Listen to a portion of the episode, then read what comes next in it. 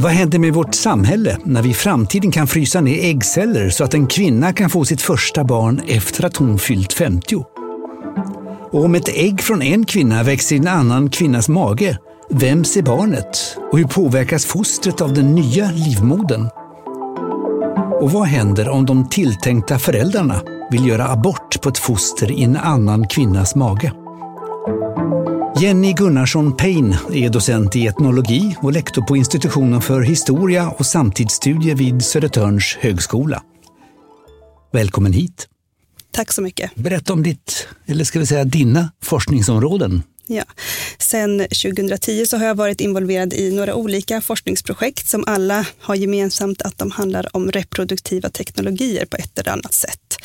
Ehm, så ett projekt handlar om äggdonation utomlands som vi kan prata lite mer om alldeles strax. Ehm, ett annat projekt handlar om någonting som heter social äggfrysning. Och så har jag nyligen också börjat intressera mig för frågan kring surrogatmödraskap. Ska vi bara definiera nu, vad är äggdonation först av allt? Ja, det är helt enkelt eh, en fertilitetsbehandling som går ut på att den kvinna som, som vill bli mor, mamma i det här fallet, eh, får ett ägg av en annan kvinna som då är äggdonatorn. Men som mamman bär själv? Ja, precis. Så att det är hon som är gravid med det här barnet. Och vad är surrogatmödraskap? Det är väl omvänt kan man säga, att då är det en kvinna som bär eh, ett barn åt någon annan. Och då kan det till exempel vara ett ägg från den blivande mamman eller ett ägg från en donator. Ungefär hur mycket handlar det om? Om vi tar äggdonation, hur många är det per år i Sverige? Ja, I Sverige, den statistik jag har med mig här är från 2010, eh, så den har några år på nacken. Men då föddes 74 barn i Sverige med hjälp av äggdonation. Eh, det finns goda skäl att tro att det här ökar, både i Sverige men inte minst eh, på den europeiska marknaden. Och surrogatmödraskap när en annan mamma den blivande föräldern bär barnet. Precis. Eh, då är det alltså, det finns Socialstyrelsen har beräknat att ungefär 100 barn totalt har fötts i Sverige med hjälp av surrogatmödraskap, eller rättare sagt med en surrogatmoder utanför landet. Men med svenska föräldrar. Eh, men det finns de som hävdar att det kan vara upp till det dubbla. Och de här nya teknikerna och de nya resorna det ställer en massa nya frågor också. Så vi börjar med dina studier av äggbanker, att vetenskapen kan frysa ner och tina upp mänskliga äggceller. Vad innebär det till exempel för synen på en kvinnas ålder? Ja, det som är lite intressant tycker jag själv då med äggfrysning, det är att det är någonting som har hänt nu. Eh, man har länge kunnat frysa ner spermier till exempel och det har ju varit väldigt viktigt för eh, olika typer av fertilitetsbehandling att man har kunnat frysa ner och frakta spermier. Så det finns ju en global marknad där man skickar spermier över, över hela världen egentligen. Eh, och nu kan man då äntligen eh, göra likadant med kvinnliga ägg som tidigare har varit, alltså de eh, teknologierna har inte varit tillräckligt effektiva för att kunna göra det här på ett så säkert och ja, effektivt sätt. Så de har inte kunnat tinas upp egentligen. Det är det som har varit problemet med äggen. Um, men, och vad det gör med att det innebär, vad det innebär för en kvinnas ålder är ju helt enkelt att nu så kan man, om man har pengar ska jag säga, för det kostar pengar, det görs privat, så kan man frysa ner sina ägg medan de fortfarande är unga och fertila Eh, och använda dem som en slags eh, vad ska man säga, fertilitetsförsäkring och ta fram dem sen när man känner sig psykologiskt och socialt redo att bli förälder. Men kanske äggen har blivit lite mindre god kvalitet. Men vid mycket högre ålder än vad vi normalt tänker oss första gången man blir mamma. Ja, precis. Det skulle kunna hända. Det är, spek det är spekulationer givetvis det här. För att eh, i praktiken så är det inte så många som fryser ner än så länge. Och det är ju inte tillgängligt om man inte har råd att betala för det så att säga. Men det viktigaste här det är att en kvinna kan i regel bli gravid eller bära ett barn mycket längre än vad äggen kan eh, ha god kvalitet, liksom tillräckligt god, god för att bli befruktade. Eh. Men vad talar om? En kvinna kan vara 50 år och bära ja, ett ägg som är 30 år gammalt kanske? Ja, absolut. Mm. Vad innebär det här för vår syn på, ja, vad innebär det för kvinnans egen självkänsla? Självkänsla är svårt att svara på skulle jag säga. Men eh, det har i debatten som man argumenterat, så de som är för den här utvecklingen skulle hävda då att det här är en, ett steg i så rätt, rätt riktning mot ökad jämställdhet mellan könen. För män kan, har ju länge kunnat bli föräldrar mycket längre upp i åldrarna än kvinnor.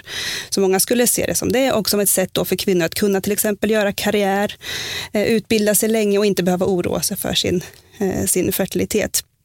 Sen finns det andra röster i debatten som menar på att det är en kvinnofälla och som tvärtom ser det som ett sätt att, eh, alltså man brukar säga att, att det är ett, eh, ett, en, social, ett, en medicinsk lösning på ett socialt problem. Eh, och som skulle kunna hävda att det är en kvinnofälla därför att nu kommer man om man löser ett socialt problem med hjälp av medicin så finns det kanske inte längre eh, någon liksom, motivation till att ändra till exempel föräldraförsäkring eller arbetsförhållande eller andra mer sociala politiska frågor. Om man ser det från barnets synvinkel, man kan få föräldrar som är mycket, mycket äldre än tidigare. Ja. Hur kan man se på den saken? Det är en sån här både och-fråga. å ena sidan så kan man hävda att eh, föräldrarna inte lever lika länge liksom upp i, i barnets ålder, så att ens föräldrar blir gamla och dör fortare givetvis. Men sen så finns det också många som eh, hävdar, och det finns också psykologisk forskning på att när föräldrarna är lite äldre så blir man ofta lite tryggare och säkrare i sin föräldraroll. Så att det finns ingen, det finns ingen självklar rätt eller fel vad gäller för, för barnets väl och ve där. Om vi tar surrogatmödraskap, alltså om ett ägg bildas hos en kvinna men sen flyttas till en annan livmoder, kan det påverka barnet, den nya livmodern? Det är en jättebra fråga. Det som det inte kan påverka kan vi börja med. Och det här ligger, ska jag säga, det ligger utanför mitt vetenskapsområde. Jag är etnolog och inte biolog. Men det man kan säga med säkerhet är att det kan inte påverka DNA. DNA kommer ju från ägget. Eh, men så vet jag att det finns ett annat ett forskningsområde, ett framväxande forskningsfält inom biologin som heter epigenetik. Och epi, det betyder ovanpå. Så det talar om det som kan påverka våra gener eller påverka vilka gener som så att säga slås av eller på eller aktiveras eller tystas ner hos en. Och enligt den här, det här nya forskningsfältet så påstår då vissa att eh, generna kan påverkas av, liv, eller av den, den livmoder som det växer, växer upp i eller utvecklas i. så att säga. Det är det som kallas att mamman kan släkta barnet, påverka på något sätt? Alltså. Ja, ordet släkta är lite intressant för det kan man säga är ett mer ett kulturvetenskapligt begrepp som, jag skulle, som man kan använda eh, ganska öppet. Att när vi släktar någon, eh, man kan prata om släktande processer, det kan ske dels eh, socialt, eh, det, eh, att vi anser att någon är släkt med en annan, Eh, som en social överenskommelse mellan människor. Det kanske är lagligt, som vid adoption till exempel. Då släktar vi genom att skriva under vissa papper och så räknas någon som släkt med en annan. Eh, och biologiskt kan man fundera på att vad, vilka biologiska processer tänker vi oss gör att vi blir släkt med varandra. Så då kan man prata om att man släktar sitt barn. Och vad innebär det här för framtidens syn på släktskap? Om ett ägg kommer från ett annat håll och så spermien från ett, ett håll. Vad innebär det? Vem vi är släkt med då? Mm, också en jättebra fråga. Eh, det man kan prata om, speciellt vad gäller moderskapet, är att det har skett, i och med de här nya teknologierna, så har det skett en en fragmentering av moderskapet. Så att nu pratar vi inte längre om bara då, om man sätter inom citationstecken, socialt och biologiskt moderskap. Utan nu kan vi dela upp även det biologiska moderskapet i, i flera olika eh, aspekter av, av, beroende på vilken del av biologin vi tittar på. Så man kan titta på genetiskt moderskap, eh, på epigenetiskt moderskap om man så vill. Eh, man kan titta på eh, också mitokondriellt moderskap. Det blir ytterligare en, en aspekt. Eh, det? Ja, det är en teknik som också är väldigt ny, alltså, som framgångs, alltså den har lyckats. Och det är vad man kan kalla för tre trepartreproduktion. Det innebär att det är alltså tre, ehm, att det är genetiskt material från tre personer. Då ska vi vara lite försiktiga också för att den tredje personen bidrar med väldigt, väldigt lite, det är bara någon enstaka procent genetiskt material. Man använder en viss del av ägget för att undvika en viss genetisk, att en viss genetisk skada eh. Men ändå, det är tre genetiska föräldrar skulle man kunna säga. Det här är mycket nytt forskningsområde. Varför är det viktigt att forska på det här med reproduktiviteten? Mm. Det är viktigt av flera olika skäl förstås. Um, dels rent konkret, man ska säga, på mer vardagsnära nivå så är det jätteviktigt att vi forskar om det här på grund av att det är så många, med fler och fler människor som blir involverade i de här teknologierna. Alltså det är fler som blir föräldrar med hjälp av det och det är fler människor som blir till Alltså vi ska veta att sedan 1978 så har det fötts så mycket, alltså över fem miljoner människor med hjälp av IVF-teknik. Då är det alltså även utan donerade könsceller. Men det, är det min... som kallas för provrörsbefruktning. Ja, alltså. precis. Mm. Mm. Så det, då är det liksom motsvarande ett mindre land av människor som har kommit till världen på grund av att vi har de här teknologierna. Eh, så att det är väldigt många människor som är inblandade på ett eller annat sätt eller som känner någon som har fått barn eller blivit till på det sättet. Och det här i sig är viktigt för de som då blir patienter i sjukvården. Eh, att man får rätt typ av behandling och att man bemöter människor på rätt sätt och så. Men sen så finns det också en annan mer existentiell eller samhällelig nivå, eller existentiell och samhällelig nivå ska man säga, som eh, gör att de här ehm, de här nya teknologierna väcker också väldigt många nya och väldigt stora frågor. Alltså vad är, vad är släktskap? Vad är en mor? Um, vad, ja, vad, hur ska vi se på biologins roll till exempel? Um, ja. Det finns också en del exempel på rättstvister om detta med släktskap. Kan du ge oss exemplet från Irland? Ja, det är ett jättespännande exempel. Eh, det som hände på Irland, för att dra det i väldigt korta drag, eh, var att det var ett eh, par, ett gift par, som tog hjälp av kvinnan, ett gift heterosexuellt par som tog hjälp av kvinnans syster som bar barnet åt dem. Det genetiska materialet kom från det här paret. Men eftersom byråkratin och lagstiftningen inte riktigt hade hängt med, så det som hände efter att barnen var födda, det var ett tvillingpar, var att man registrerade surrogatmodern som, eh, som laglig mor. Det här ifrågasatte givetvis då de här tre reproduktiva parterna tillsammans. Och, i rättsfallet så diskuterades också i det här protokollet så kan man säga att det diskuterades huruvida epigenetiken skulle vägas in i vem som skulle räknas som moder. I slutändan så ska man säga vann ändå genetiken Ehm, men det intressanta här är att epigenetiken alls kom upp och att det diskuterades. Så jag tror att vi kommer kunna se eh, i framtiden många fler diskussioner av den här typen om epigenetikens roll för det biologiska släktskapet. Och genetiken vann, det vill säga paret ja, som föräldrar? Precis, de genetiska föräldrarna räknades som lagliga föräldrar. Du studerar också i din forskning sociala fora, nätfora kring detta. Vad säger de respektive surrogatmödraskapsfora respektive äggdonationsfora? Mm. Det, är det är jätteintressant också. Jag har tittat, eh, varit inne och tittat väldigt mycket på de här forumen, eh, i första hand på äggdonationsforumen men också lite på surrogatmödraskapsforumen. Och här kan man se en tydlig skillnad i vilka eh, som lyfter fram epigenetiken som en viktig del. Och det är tydligt att det är eh, äggdonationspatienterna eh, som, som lyfter fram det som en viktig del av, av släktskap. Medan på surrogatforumen så tonar man istället ner epigenetikens roll. Och säger att det är miljön som är viktigare alltså? Ja, eller genetiken, eh, eller upp, även, även den sociala miljön, men man tar inte upp eh, livmoderns miljö så att säga. Du har också forskat om det reproduktiva jag ställer om den frågan. Du har också forskat om det reproduktiva resandet. Mm. Berätta, vad är det du arbetar med där? Det jag har tittat på specifikt är svenska par i första hand som reser utomlands för att behandlas med äggdonation.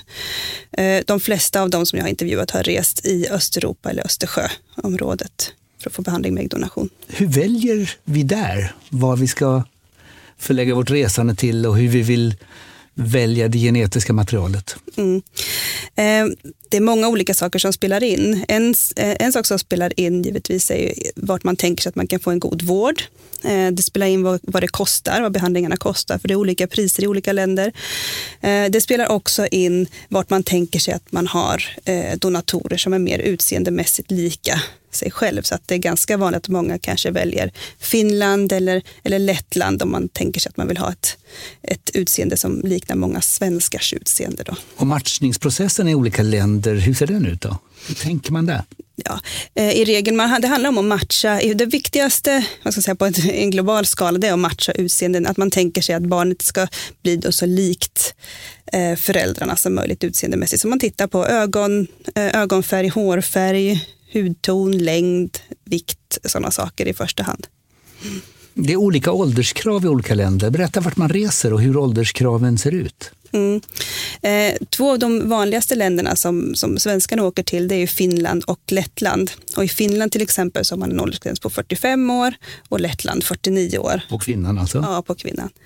Eh, så det kan ju vara så att man eh, ja, kanske börjar resa till Finland och så uppnår man åldersgränsen där och sen kan man resa till ett annat land. Jag vet att du också, Jenny Gunnarsson Payne, säger att det är en hel del frågor som man missar i den här debatten. Till exempel vad?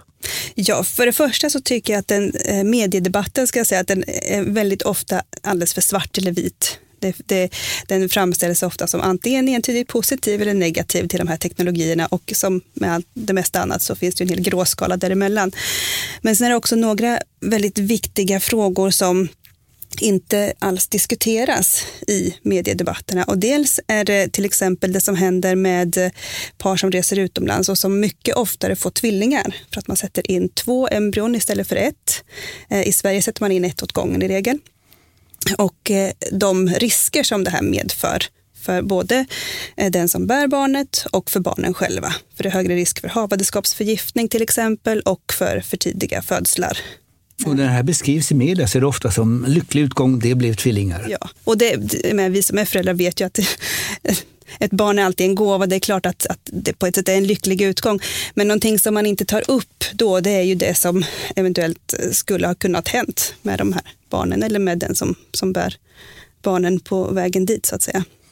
Sen kommer också abortfrågan in. Vad händer om man vill avbryta havandeskapet och det sker in, till exempel in, hos en annan kvinna?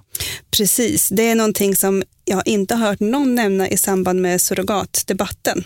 Och det är att hur det eventuellt påverkar aborträtten. Eh, för det väcker nya känslomässiga och moraliska frågor om men vad händer, precis som du säger, vad händer om man ska avbryta eh, en graviditet med någon annans foster till exempel? Eller omvänt, om eh, det blivande föräldraparet bestämmer sig för att de vill avbryta en graviditet där någon annan bär på barnet.